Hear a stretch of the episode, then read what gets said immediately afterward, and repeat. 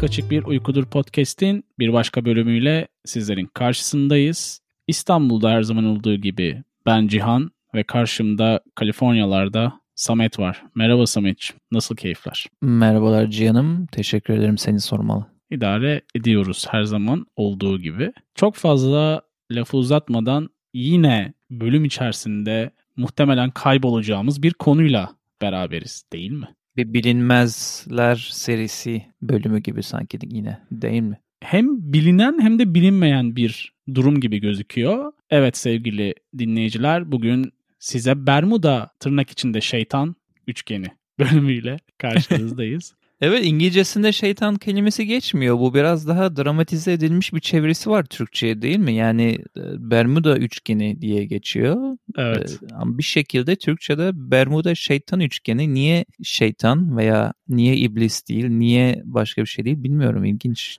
bir kelime seçimi olmuş orada. Yerleşmiş kültürel olarak herhalde yerleşmiş bizim dilimizde. ya daha çok hani bizim kültürümüzde böyle her şeyi birbirine katıp ortaya koyma vardır ya.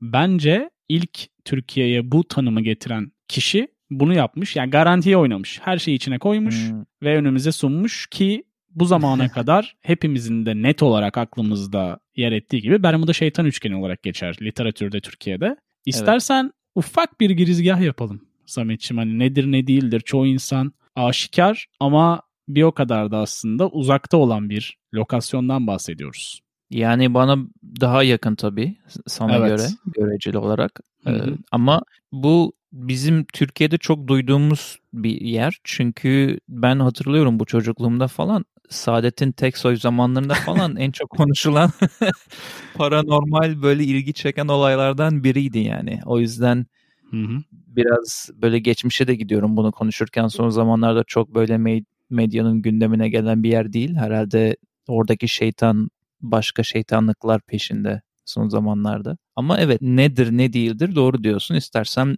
şeyle başlayabiliriz. Hani nerede bu ve nasıl bunun sınırları çizilmiş tam olarak belirgin olmasa da. Bahsettiğimiz bölge Miami, Bermuda Adası ve Porto Rico arasında bir üçgen bölge. Bunun adı peki nasıl çıkmış ortaya diye böyle hep akıllara gelen soru.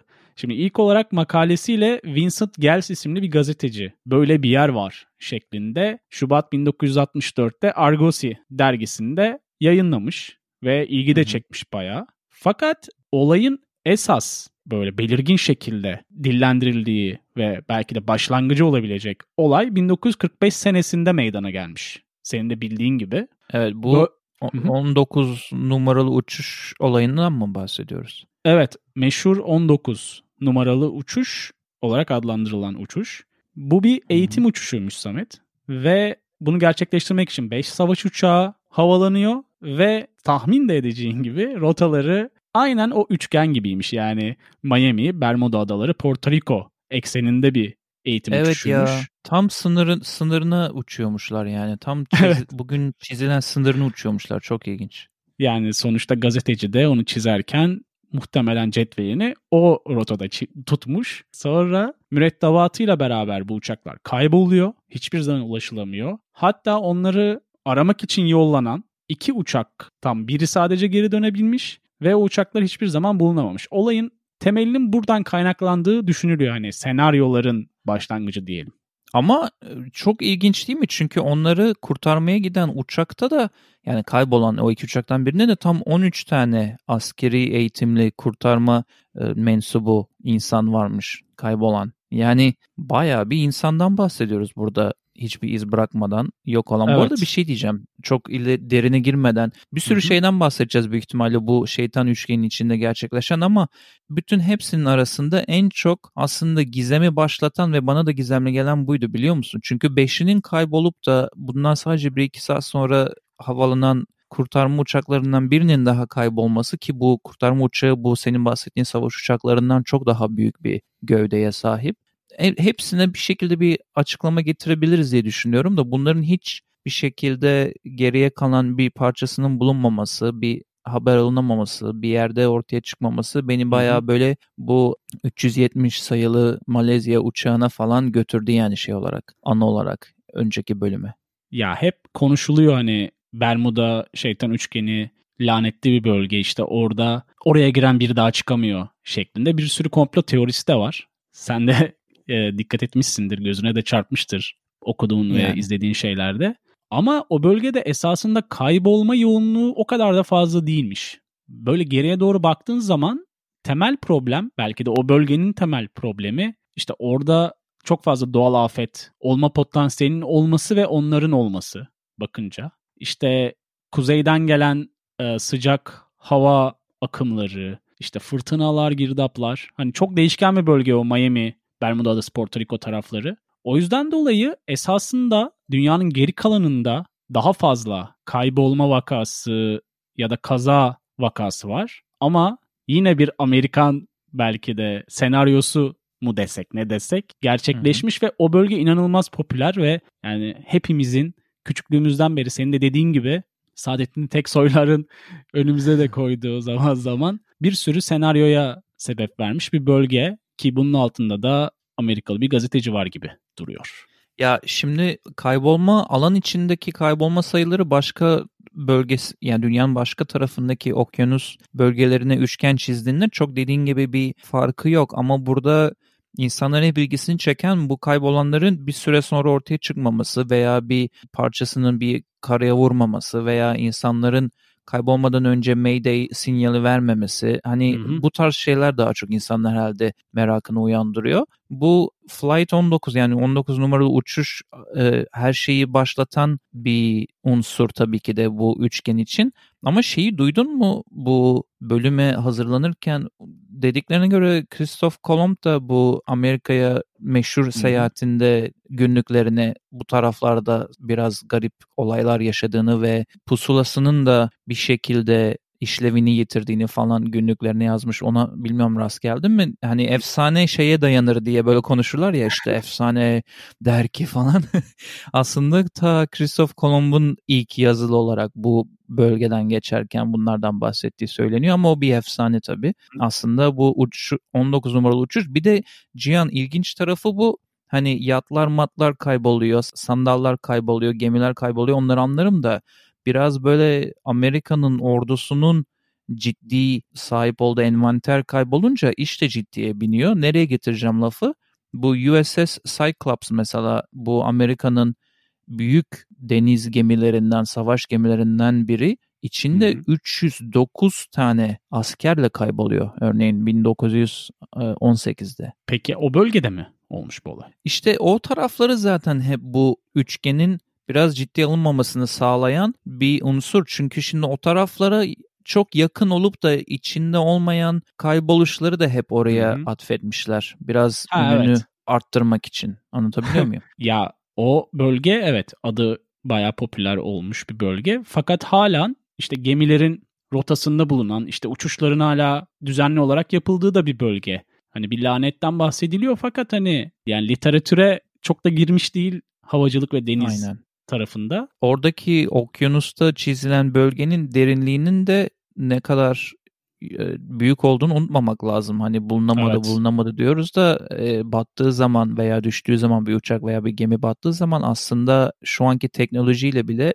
dibine kadar inip onu bulma Hı-hı. şansımızın çok olmadığı bir alandan bahsediyoruz. Ya çok önemli bir yere değindin aslında. Hani bakınca bu dönemde uzay teknolojilerinin bu kadar geliştiği ne bileyim Mars'a, Ay'a artık böyle internet sitesinden bile Hı-hı. izleyebildiğimiz bir hale geldi gezegenleri. Aynen. Fakat dünyayı ne kadar tanıyoruz kısmında büyük soru işaretleri var. Hani okyanusları ne kadar biliyoruz? Kaç metre derinliğe kadar bilebiliyoruz ki dediğin gibi çok fazla değil bakınca. Ben bunu şeye benzettim. Hani hep biz tatil planlamalarını yurt dışı merkezli yaparız ama kendi ülkemizi pek gezmeyiz, dolaşmayız, her Hı-hı. tarafını bilmeyiz ya. Bu da onun o gibi biraz. Işte.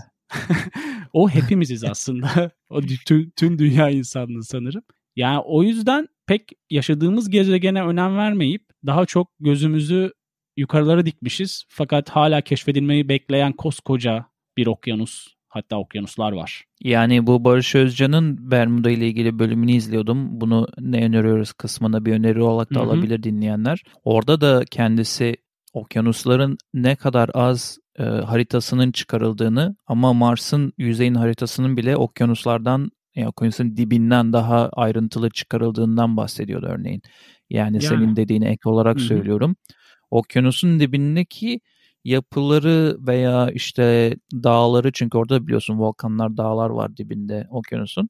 Evet. Onların hiçbirinin haritası tam anlamıyla çıkarılmış değil günümüzde. Ama gidiyorlar Mars'a oraya buraya hatta Venüs'ün bile e, bayağı ayrıntı yenecek kadar uydularla haritalarını çıkarabiliyorlar. O, o yüzden sana katılıyorum aslında bilinmezlerle dolu bir ortam orası. Şimdi bu paranormal açıklamalara e, doğru yeltenmek tabii ki cezbedici. Her ama as her zamanki gibi aynen. Ama aslında doğal olarak verilen bazı tahminlerden biri mesela Gulf Stream'in tam evet. ortasından geçmesi. Burada şeyi şeyi buldum ben bakarken.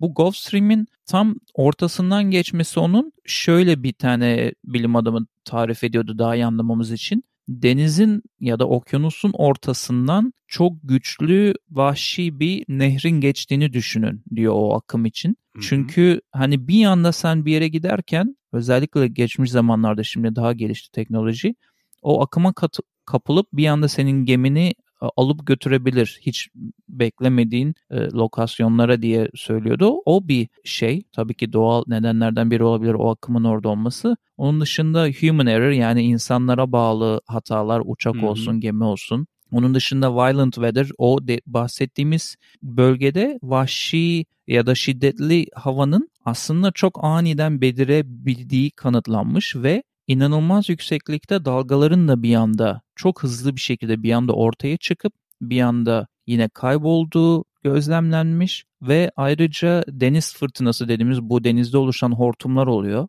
okyanusta.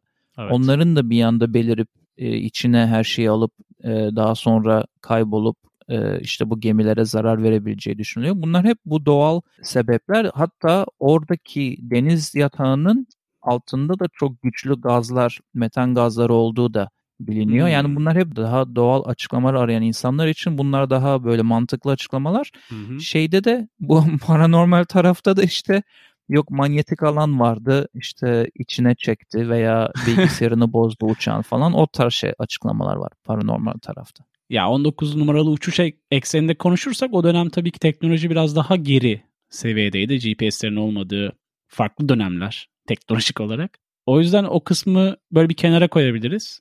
Neden oldu, nasıl olduğundan öte ama rasyonel düşünürsek senin vermiş olduğun doğal etkenlerin çok önemli bir faktör olduğu aşikar. Ha bulunup bulunamaması bambaşka bir hikaye. Ama daha önce de dediğim gibi yani komplo teorilerini tabii ki herkes çok seviyor ki biz de daha önceki bölümlerde de değindik bazı konularda komplo teorilerine. Ama olayın başka bir boyutu olduğu, doğal bir boyut olduğu çok aşikar gibi ki sadece o bölgede değil dünyanın her tarafında uçaklar kayboluyor, gemiler kayboluyor, denizaltılar kayboluyor. Biraz Hı-hı. da o bölgenin problemi belki de Amerika ülkesinin biraz lanetli olması. Hani doğusuyla batısıyla, doğal afetleriyle meşhur bir hale gelmesi son yıllarda. E, evet. Geçmişte de öyleydi tabii ki. Ve sen bunda bir bayağı tecrübe ediyorsun.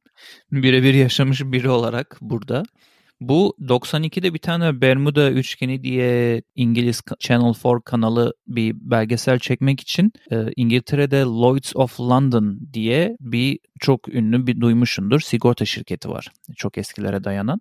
Hı hı. Bu sigorta şirketi asıl e, bu portlarda gemiler için, gemiciler için, yük için falan o zamanlar başlarken şimdi her şeye bakıyor. Yani burada mesela Amerika'da bile bir ev alıp Lloyds of London sigortasını seçebilirsin evini sigortalamak Aa. için. Uzun lafın kısası aynen.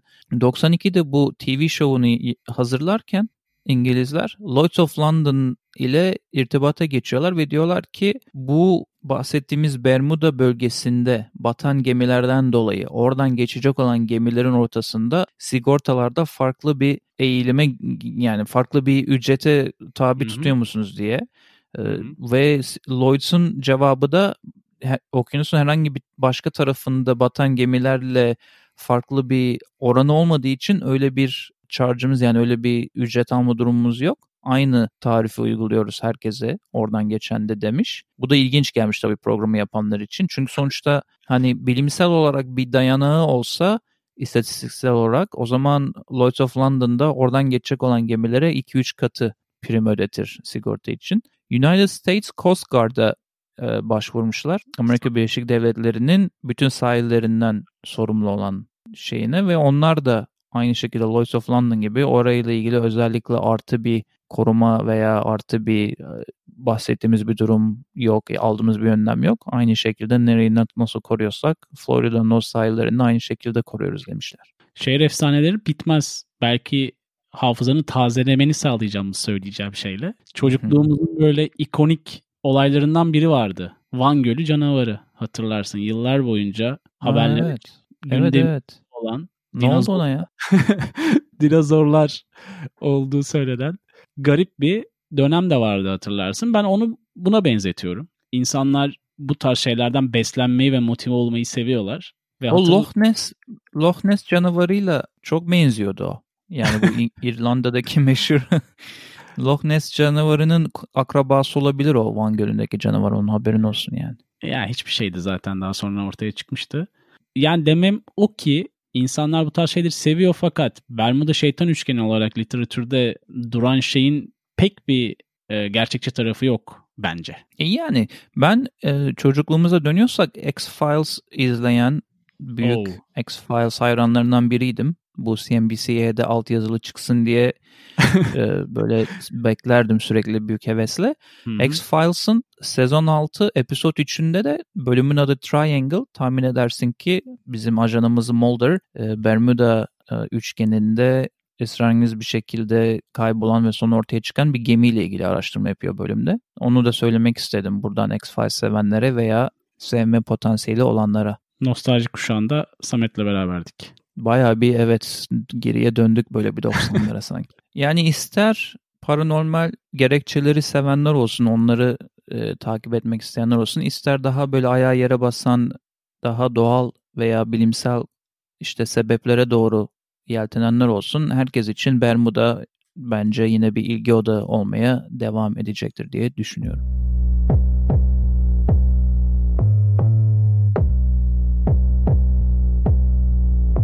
Ne öneriyoruz kısmıyla bir kez daha sizlerin karşısındayız. Bu bölümde sizlere belki bir şarkı, belki bir kitap, belki bir YouTube videosu ya da başka bir şeyler öneriyoruz.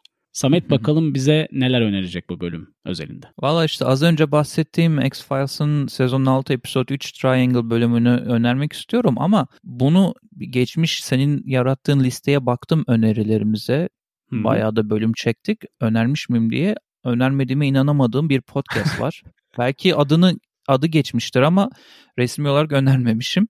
Ee, Stuff They Don't Want You To Know adlı podcast bence tam bu şu anki bölüme cuk diye oturuyor. Çünkü tam böyle bir conspiracy theories yani e, ne olduğu tam böyle muallakta gizemli işte şeyleri anlatan bir podcast İngilizce tabii ama evet. çok böyle aşırı nasıl diyeyim sana aşırı ileri derecede bir İngilizce bilmenize gerek yok anlamak için. 3-4 kişi orada oturup gayet böyle her gün İngilizcesi dediğimiz bir İngilizce seviyesinde sohbet ediyorlar. Hı-hı. Güzel oluyor.